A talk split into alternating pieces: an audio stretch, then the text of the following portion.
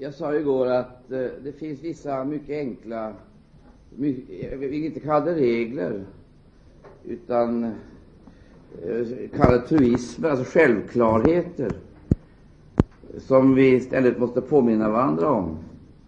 Eftersom det tydligen är på det sättet att man lätt glider bort ifrån det elementära, det rent elementära, och får ett slags, får jag kalla det, avancerad kristendom sofistikerad och den är helt enkelt krånglig. Då vi läser eh, Nya testamentet så är det första vi upptäcker enkelheten. Det är så okomplicerat eh, och genialt. Det är så otroligt effektivt. Allting löses efter livets egna principer, livets principer.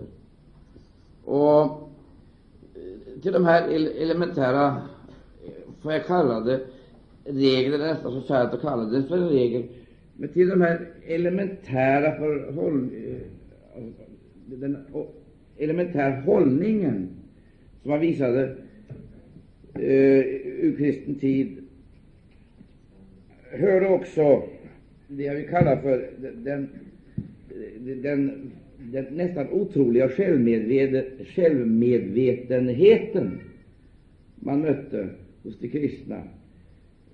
Ni vet att så fort det är fråga om sådana saker som ekumenik eller andra eh, liknande företeelser, så blir på något vis det kristna livet förfärligt komplicerat. Jag har eh, jag har eh, roat mig med, för jag får säga det, roat mig med att titta på en del ekumeniska uttryck som exempelvis förekommer i det, som är vanliga i den ekumeniska debatten. Jag tänker bara på sådana uttryck som celebration, intercelebration. Och vi skulle kunna eh, söka fram hela serier av liknande uttryck där hela kristendomen på något vis blir antingen mystisk eller vetenskaplig. Den blir mystisk i eh, begreppen, och det blir mystiskt eh, i, i själva formen. Intercelebration, vad kan det handla om? Ja, så långt jag förstår så handlar det om brödsbrytelse. Och den som celebrerar är den helt enkelt som delar ut brödet. Och det är klart att Ska man kunna celebrera, då måste man ju vara doktor. Men om man ska dela ut bröd, då kan man vara en enkel tjänare. Och handlar det om intercelebration, då bör man ju vara någonting mer än doktor. Då bör man också vara, ja, då bör man vara biskop, helst ärkebiskop, eller kardinal. Alltså, det blir en slags eh, vetenskaplig nimbus omkring det hela som verkar imponerande men som är otroligt löjlig. Det är så löjligt så det är rent skrattretande att se hur så att säga eh, så kallade kristna människor kan bli fåfängliga och vansinniga. Inte celebration, det är något väldigt fint, det måste man ha en hög titel för att kunna göra. Men det handlar om brödsbrytelse, att dela brödet. Det är ungefär som jag en gång gick till en restaurang och tänkte att nu ska jag äta något riktigt fint. Och så kom de in med eh, den här, eh, vad kallas det, ja, ja matsedeln låter alldeles så svenskt. Det måste vara meny eller någonting sånt där fint. A la carte. Det kom in med sån där fin, och jag tänkte det, det, här, det, här ser, det här ser bra ut och verkar inte för dyrt. Så jag beställde fläsk à la daube. Döm om min förvåning när de kom in med kalvsylta. Alltså, förstå vad jag menar. Alltså, I sådana där fina sammanhang där blir kalvsylta fläsk alla dom. Men rent eh, praktiskt sett så har ju, så att säga, eh, fläsk alla la ingen annan funktion än kalvsyltan.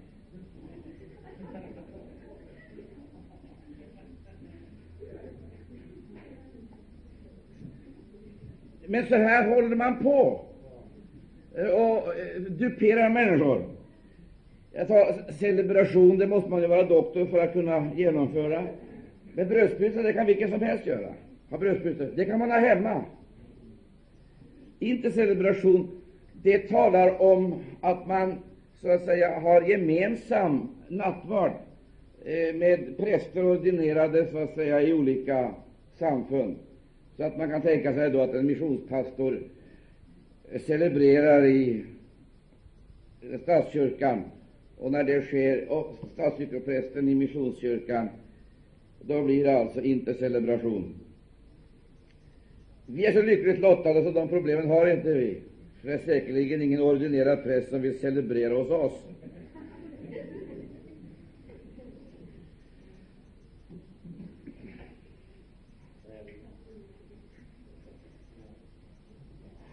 Jag nämner det här bara därför att egentligen så är det ju så vansinnigt löjligt. Och det, det är på sådana här mer eller mindre mystiska uttryck och termer som man många gånger bygger upp så att säga en gemenskap. Och när jag tar den här lilla delen och det här exemplet, så har jag bara tagit en liten detalj. Därför att hela det kristna livet, det blir i överförd mening en slags högtidlig celebration för eh, eh, redan bildade och kultiverade. Men eh, det är ju inte celebration vi behöver, utan vi behöver brödsbrytelse, det vill säga vi behöver mättnad för vår ande. Och Det som är typiskt för den heliga Ande, det är att den för ner verkligheten på ett sådant plan att den enklaste har lättast för att förstå det. Och nu ska jag tala i, i det här, för att nu jag lyckas urskulda mig om det låter för enkelt. Det är inte lätt när man har varit predikant så att säga ett antal år, då vill man ju komma med någonting som är högtidligt och fint. Så människorna får en känsla av att det här är akademiskt och lärt. Det här är vetenskapligt. Eller också så slår man åt andra hållet Eh, då blir man lite spiritualistisk eller mystisk. Det vill säga, eh, då slår man åt det hållet och då blir det så mystiskt, så då säger man det var väldiga djupheter, det, det var väldiga sanningar. Och när man ska ta reda på så att säga vad det var för sanningar, så är det ingen som har förstått det. Men hur kan vi då säga att det var sådana väldiga djupheter? Det kändes så. Det upplevdes så. Mina vänner, vi behöver få ordet så klart för oss att eh, det inte blir att det inte blir att, att det inte skapar sådana tröskeleffekter att vi måste inta attityder och lära oss ord och begrepp för att kunna tillgodogöra oss det. Utan i ett enda nu vill den heliga Ande öppna nya världar för oss och ge oss Andens ord och Andens uttryck som är laddade med ett verkligt innehåll. Och Det vi rörde oss om igår, det var ju det här. Vi läser igen Apostlagärningarna 2, de där enkla sanningarna som eh, vi behöver påminna varandra om åter och åter. I Apostlagärningarna 2 och i den fjärde versen, där står det fortfarande Gud var evigt lov, de blev alla uppfyllda av helig Ande. Då vill jag säga en sak som jag påminde om igår. Gud har aldrig döpt katoliker i den heliga Ande. Och han har aldrig döpt protestanter. Han har bara döpt människor i den heliga Ande. Att vi kan konstatera att bland dessa människor finns det också katoliker. Ska vi göra klart för oss att det beror inte på att de har blivit katoliker, att de har blivit döpta i den heliga Ande. De har blivit döpta i den heliga Ande trots att de har varit katoliker. De har inte blivit döpta i den heliga Ande därför att de har varit protestanter. De har blivit döpta i den heliga Ande trots att de har varit protestanter. Och de har blivit döpta i den heliga Ande för att föras ut ur katolicismen och ut ur protestantismen, ut ur allt sammans detta som har alltså med system och kyrkliga anordningar att göra, för att föras in i en andens liv. Jag har sagt det här i förbigående. Och det är självklart att om vi ska få eh, fungerande eller, eller levande gudstjänster, då måste ju de som är med vara levande i sin ande. Det är ju självklart. Det är så självklart att det behöver sägas en gång. Att Gud är ju en Gud för levande. Är han det, så säger jag amen. Han är ju inte en Gud för döda. Han är en Gud för levande. Är han det, så säg amen. Lever du, så säg amen. Oh, ja. Nu säger ju skriften att han har kommit för att ge liv och övernog. Alltså, och det förefaller vara på det sättet att Bibeln den sätter upp ett ideal för alla kristna. Det är övernogslivet. Vi vet att det vanliga är ju att man normaliserar det som är nätt och jämnt. Nätt och jämnt. Bröderna nätt och jämnt finns överallt. Bröderna nätt och jämnt. Men Gud vill av bröderna nätt och jämnt göra bröderna liv och övernog. Liv och övernogsförsamlingen. Som, alltså, får jag säga så här, inte bara, inte bara, så, inte bara verkar engagerande, så att man kommer dit för att bli engagerad, utan Gud vill att församlingen ska fungera på det sättet att när församlingen kommer tillsammans så består den inte av en död massa som fattar beslut i ena, eh, som fattar beslut med politiska instrument och medel om saker och ting.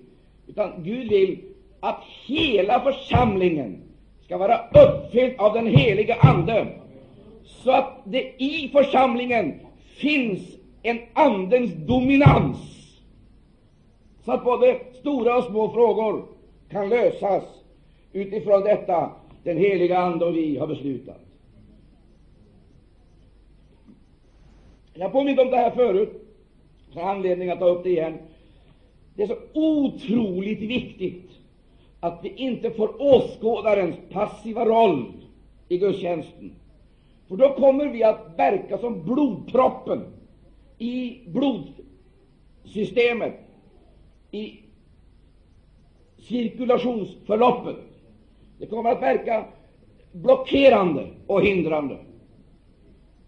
Det är oerhört nödvändigt att varenda en så att säga, bär upp gudstjänsten med framför allt tillbedjan. Annars har jag en känsla av att vi vanligtvis kommer tillsammans för att påminna varandra om våra egna behov. Och jag kan inte förstå att det aldrig tar slut någon gång, utan att det alltid finns någonting att börja ett möte med med avseende på våra behov. Vi säger vi blir jag-centrerade från första början, och vi börjar oftast gudstjänsten med att tala om att jag behöver bli helbrägdagjord, jag behöver möta Gud.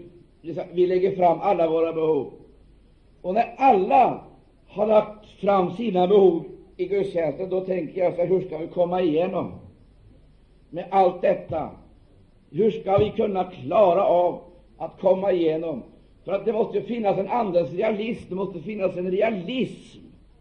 För att sitter den ena med de bekymren och den andra med de bekymren och den tredje med de bekymren, alltsammans det här fyller sinnet, så kan det innebära någonting annat än att det måste verka avledande helt avledande och splittrande.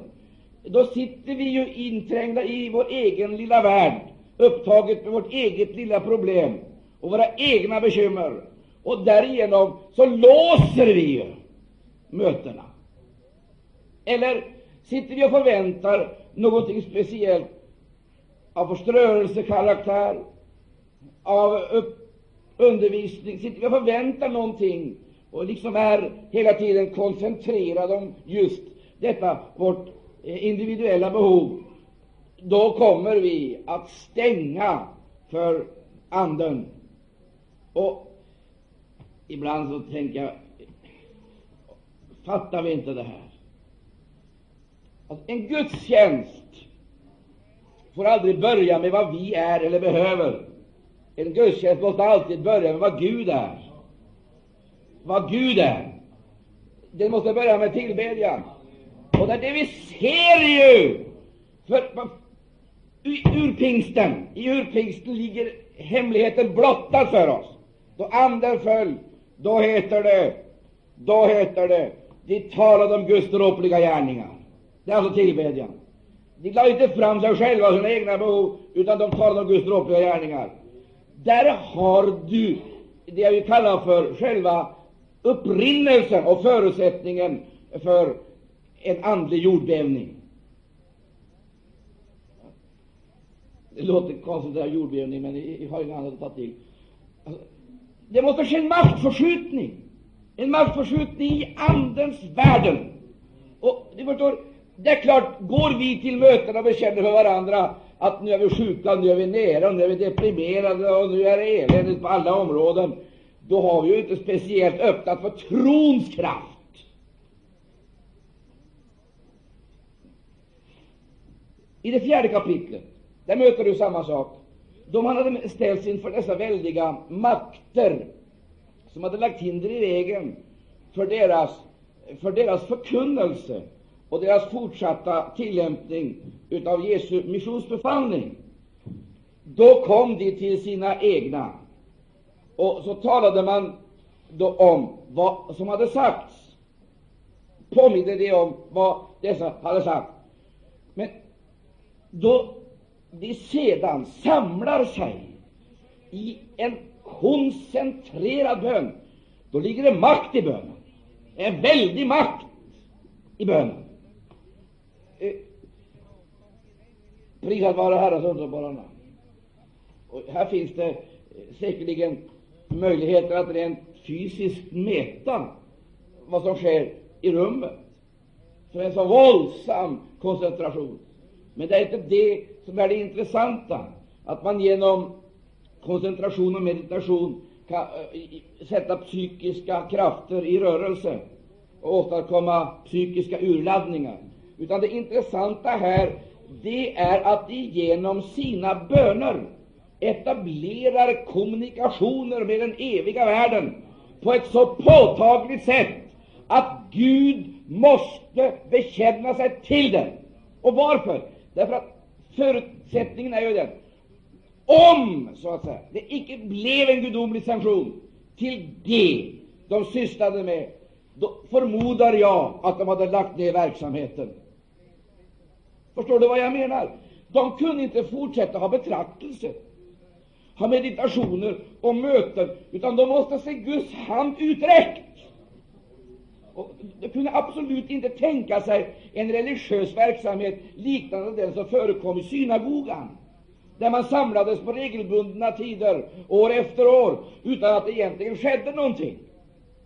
Man läste bibeltexterna utan att det egentligen skedde någonting. Man hänvisade bara till kommande tider. Men när Jesus träder in så säger han idag har detta skriftens ord uppfyllts inför edra det vill säga det skrivna ordet, det måste bli det uppfyllda ordet. Tror du det? säger amen. Här uppfylls det som är sagt genom profeten Joel. Och då är det alltså en profetia. Men det, det skrivna ordet måste bli det uppfyllda ordet. Och det är också med avseende på Jesu missionsbefallning. Det vill säga, församlingen måste ständigt ställa sig i sådana riskzoner att den hotas av total utrotning och utblottelse om inte Gud griper in. Har du förstått detta?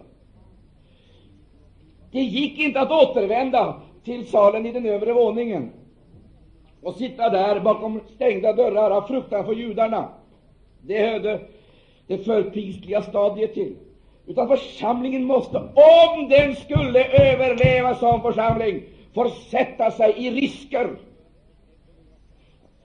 som av sådan karaktär att det handlade om församlingens utblottelse, utrotning och likvidation. I konfrontation, I konfrontation med övermäktiga krafter. Och där menar jag vi har oerhört mycket att lära. Vi vågar inte ta risken, och därför så får vi heller inte kraften. Jag ska ta, beröra det här utifrån det, det här, detta fenomenala som äger rum. Alltså, det är ju inte det att man ska få leva ostört lugn det, det handlar om. Att vi ska få ha eh, ro. Här har du här har du själva centrum, det centrala i deras framträdande. Anden måste bryta synagogmönstret. Tror du det? Anden måste bryta kyrkomönstret. Anden måste bryta Maranatamönstret. Tror du det? Säg amen.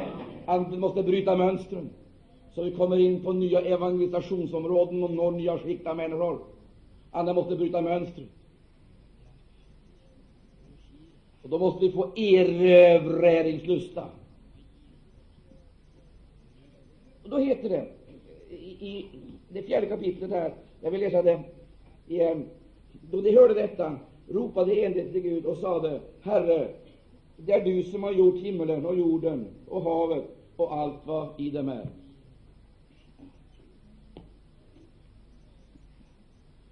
Vad är det man talar om? Man talar om vem Gud är och vad han har gjort. Och jag frågar, vem Gud är det vi tror på? Är det Abrahams Gud? Så säger jag amen. Är det Jakobs Gud? Så säger jag amen. Är det Israels Gud? Så säger jag amen. Är det nykristna församlingens Gud? Så säger jag amen. Är det Petrus Gud? Är det apostlarnas Gud? Så säger jag amen. Visst. Frågan är den, är det denne guden som har skapat himmel och jord? Är det han som har skapat oss? Är det han som har utgjutit sin ande över oss? Frågan är den. Eh, är det han som har gjort allt sammans detta? Frågan är nu den, är det han som i fortsättningen ska föra sitt verk vidare? Ska han göra det? Jag tänkte på det när jag var i riksdagen igår kväll, sent igår kväll och hörde på riksdagsmän debattera frågan om eh, uppfostran och aga. Man har känsla av att man mötte människor som var totalt okunniga om det de talade om. Avsaknad av elementär kunskap. Kände, alltså man, blev, man blev verkligen skrämd över att eh, våra eh, politiska ledare i det här landet kan vara så okunniga om eh, samlevnadsformerna, korrigeringsmedel och uppfostringsmetoder. Jag pratar till tomma intet, och så beslutar man med 257 röster mot eh, sex att aga ska vara förbjudet från 1 juli. 257 röster mot sex. Jag, jag tänkte när jag satt där, gode Gud, himmelske Gud, tackar dig för att eh, du är över alla organ på jorden. Halleluja! Du har inte sagt det sista ordet i agadebatten. Det ska vi få. Prisa vare Herren. Du har inte sagt sista ordet i de här frågorna. Det ska vi ha.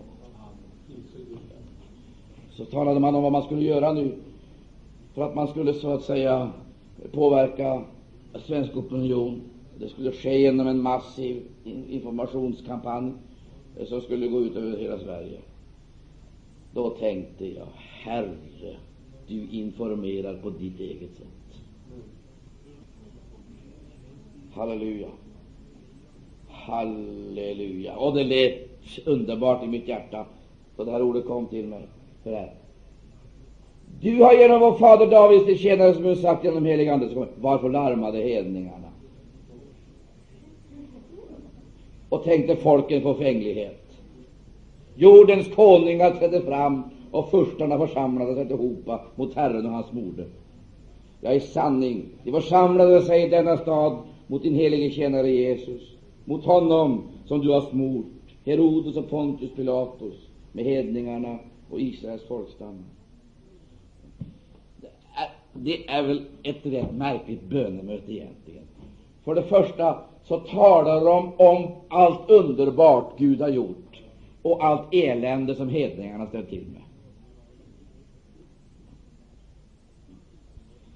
Jag vill säga det här en gång till. För det första så talar de om allt underbart vad Gud har gjort.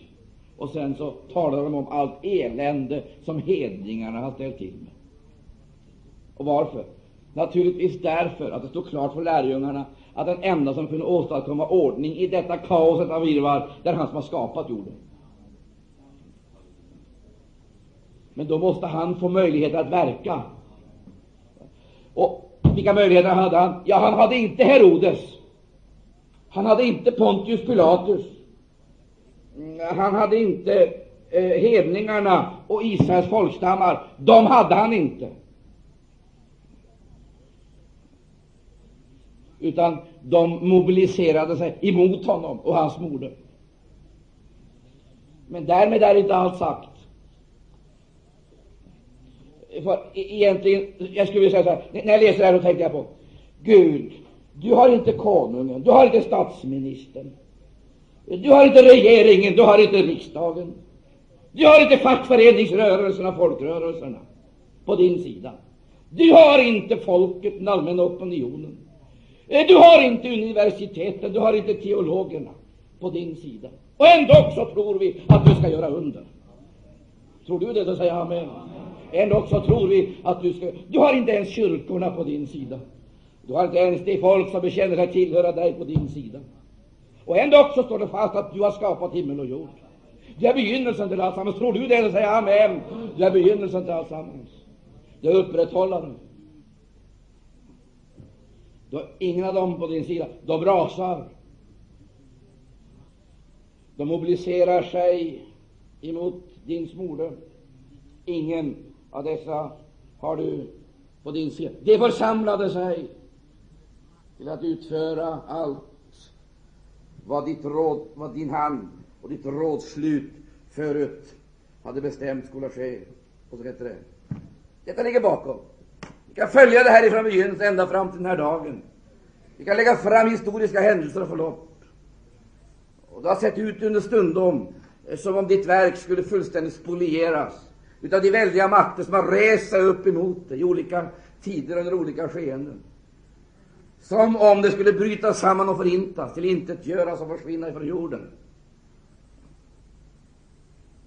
Hör du, lägger du märke till att lärjungarna drar sig icke för att sätta likhetstecken emellan det historiska förloppet, det som ligger bakom, och det som då äger rum?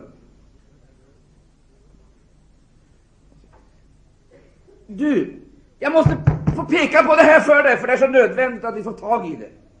Alltså, lägger du märke till att han de församlade sig till att utföra allt vad din hand och ditt rådslut förut hade bestämt skulle ske emot Herren. Och så tänker man på den väldiga händelse som skedde då Jesus ägde rum. Då Jesus dödades, Jesu död ägde rum. Och nu, Herre, det finns eh, en historisk distans mellan den händelsen och den här. Men annars så är båda händelserna uttryck för samma hat. Det som skedde då och det som sker nu, det är uttryck för samma hat. Och det är uttryck för samma makts avsikt och vilja, motiv och planer att utrota allt levande gudomligt liv från jorden. Genom att antingen systematisera ihjäl det, organisera ihjäl det, eller att eh, utrota de som tror på dig. Avsikten är densamma. Ibland är det med religiösa vapen, andra med politiska vapen, eller med ekonomiska vapen, andra gånger med allt sammans på en och samma gång. Det finns liksom ingen gräns för vad denna fiende kan ställa till med. Och han kan icke erkänna sig besegrad fastän denna oerhörda uppgörelse på Golgata har ägt rum och han i realiteten har förlorat sin eh, förlorat sin reella makt. Den makt som återstår är en själmakt. Men han arbetar för att han arbetar med sina instrument och mobiliserar för en slags psykologisk krigföring. Få de här stackars läsarna ner i skorna. Dem demoralisera dem. Få dem ner, få dem ner i depressionen, missmod, komplex, mindervärdeskänslor och allt sammans detta. Genom att påminna dem om vad de inte kan och inte förmår och inte lyckas att åstadkomma. Du, det som skedde på Golgata, det upprepas i små och större situationer. Lokalt, in, nationellt och internationellt. Och ingen kan vara oberörd. Det är två världar som störtar samman. De eh, i en våldsam frontalkollision.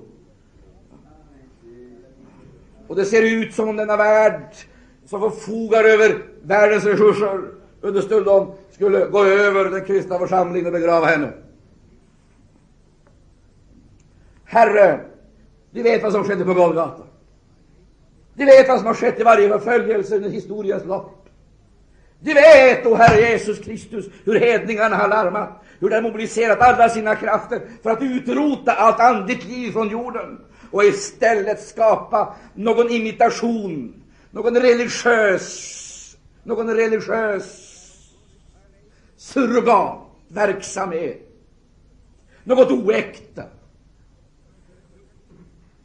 något väsensfrämmande för ditt rike. Du vet alltsammans detta. Men Gud, vi tror inte på fredsförhandlingar och kapitulation. Vi väntar på dina manifestationer, Herre Jesus Kristus. På samma sätt som du uppenbarade dig på pingstdagen i Jerusalem och genom historien, så ska du komma till din församling i denna tid.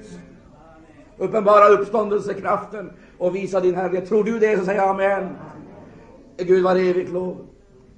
Det vill säga, man försatte sig i den här risken, i denna utblottelse, med möjligheter för fienden att i ett enda ögonblick utrota dem, förvandla dem till fångar, eh, göra dem till, till trälar,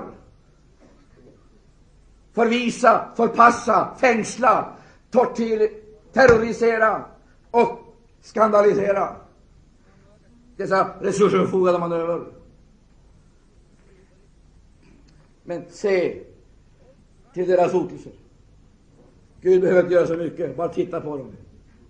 Så upplöses det organiserade motståndet i inre kaos. Gud, se till vår riksdag.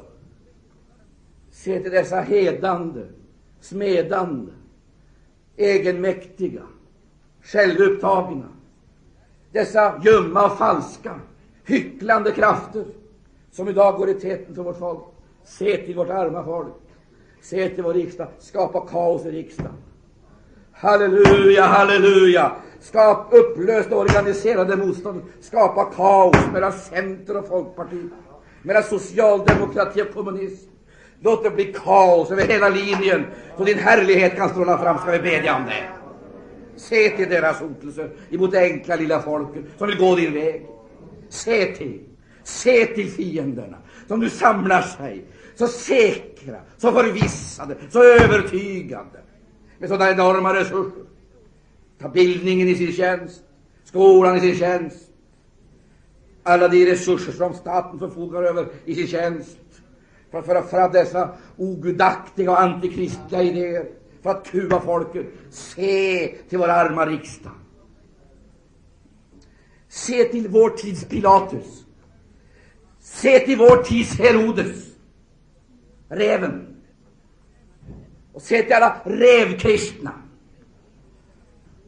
Alla de som solidariserar sig med falskheten och hyckleriet. Se till hedningarna, hur de stimmar. Se till dem efter det att de återigen hade blivit uppfyllda av den heliga Ande. På grund av att de hade försatt sig i en sån här vansklig situation och tagit en sån våldsam risk. Då de står under hotet av den lagliga myndigheten att tiga. eller också ta konsekvenserna. Så vädjar de till högsta instans. När Gud har gjort, när Gud har fått ge sin sanktion, då kan man inte längre diskutera frågorna. Då måste man handla. Och då kommer det igen. Då kommer det igen. Exakt samma saker som sker på pingstdagen. Då lydnaden är upprättad och enheten manifesterad och beslutsamheten i överlåtelsen av Herren Jesus Kristus förverkligad. Då kommer det tillbaka och upprepas det.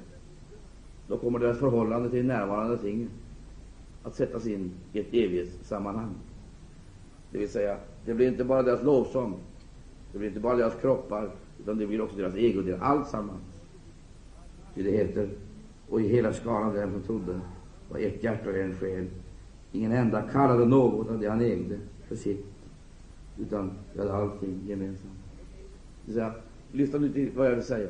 Livsmomentet var stort. Inte bara det att de i den här situationen hotades att kastas i fängelse, men var och en hotades också att förlora alla sina försörjningsmöjligheter. Där sitter den stora risken, rädslan, som många far har. Hur ska det bli mina barn? Som många mor har. Hur ska det bli med vår försörjning? Den sociala frågan, den är verkligen inte liten. Och det är tre frågor som vanligtvis får vara det vägledande. Lösningen på de här tre frågorna blir vägledande för de flesta människor. Det är det här. Vad ska vi äta? Vad ska vi klä oss med? Och var ska vi bo? Församlingen kunde inte vara en åskådare. Kunde inte vara åskådare. Var och en leddes in i förhållanden som de tidigare aldrig hade varit med om. Försörjningsmöjligheterna begränsades till ett absolut minimum. För att inte säga mm, i många fall blev helt obefintliga. Då ordnades genom en gudomlig förordning och en märklig andens improvisation. Ära vare Gud. Ett helt nytt, ett helt nytt eh, brödraskap med en helt ny dimension. Och nu ska jag tala om för er en sak, mina älskade vänner, som ni inte tänker på. Vet ni vad det är som gör enheten så dyrbar? Det är beroendet. Beroende. Och vet ni vad som gör enheten så nödvändig? Det är beroendet. Vi är beroende av varandra. Och vi var och en kunde leva i en sån situation att vi inte behövde söka varandras hjälp. Då vore vi på ett skadligt sätt isolerade från varandra. Men nu tvingar oss nöden in i varandras armar. Nu får vi beskydda varandra. Inte bara för att vi ska klara livet, men för att vi ska klara frukosten, middagen, lunchen. Prise Gud, drivs vi in i varandras armar, så börjar vi bryta brödet på ett nytt sätt. Vi känner Herrens närvaro också i måltiden. Och ser du hur, så att säga, eh, ser du hur födoämnena växer på bordet, så att det lilla räcker till för de många. Ser du det? Det är Guds välsignelse. Guds välsignelse. Halleluja, halleluja åt det som är så att säga offrat åt honom. Det som står här, det är inte bara ditsatt som en sladd som en intressant påminnelse om vad som kan ske, utan det här är en beskrivning av fruktansvärt allvarliga förhållanden. Vad ska vi äta imorgon? Vad ska vi få kvällsmaten ifrån? Var ska vi bo? Vad ska vi kläda oss med? Drivs de in i varandras garderober, varandras förråd, varandras eh, husrum? Så börjar man titta på hur många kvadratmeter man bor på, hur många sängar man har, hur många skor man har, hur många klänningar man har. Och man tittar och gråter, gråter och tittar och Behöver jag det här? Så tittar man efter hur många, hur mycket bröd man har i skåpet. Smör. Och så, åh, halleluja. Börjar man samla vännerna hemma och duka borden och bryta brödet. Och så äter man i hjärtats ensam och lovar Gud. Det nya folket som har trätt fram med helt nya livsbetingelser. Se hur glädjen strålar ur deras, ur deras rena blick. Eh, frimodigheten lyser ur deras framträdande. Halleluja. Ser du hur tingen går emellan vännerna? Nu gick det dit och det dit. Nu fick åtminstone han ett par byxor och nu fick eh, eh hon ett par skor.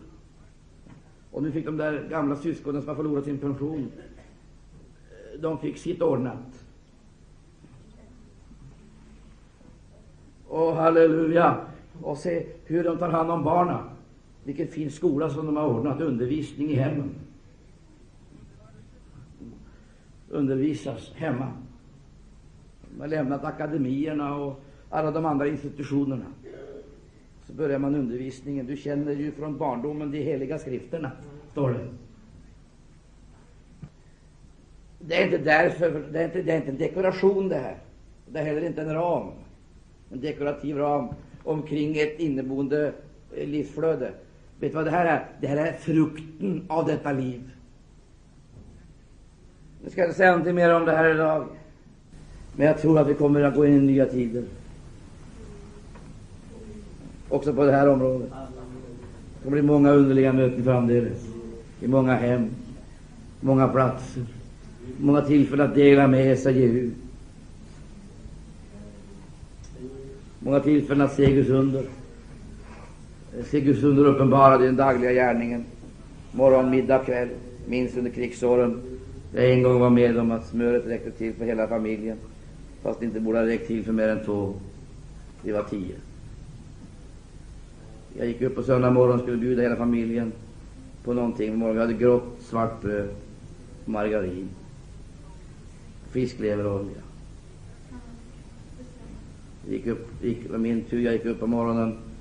Först och främst pappa och mamma och så syskonen. Så började jag smör. Ja, så började jag göra ordning smörgåsarna. En, två, tre, fyra. När mamma kom upp så brast hon i gråt när hon stod vid bordet och sa Arne, tog det inte slut, sa Det är lika mycket kvar. Och när det började. Ja, mamma, sa jag. Det har inte ändrat någonting. Det är lika mycket kvar.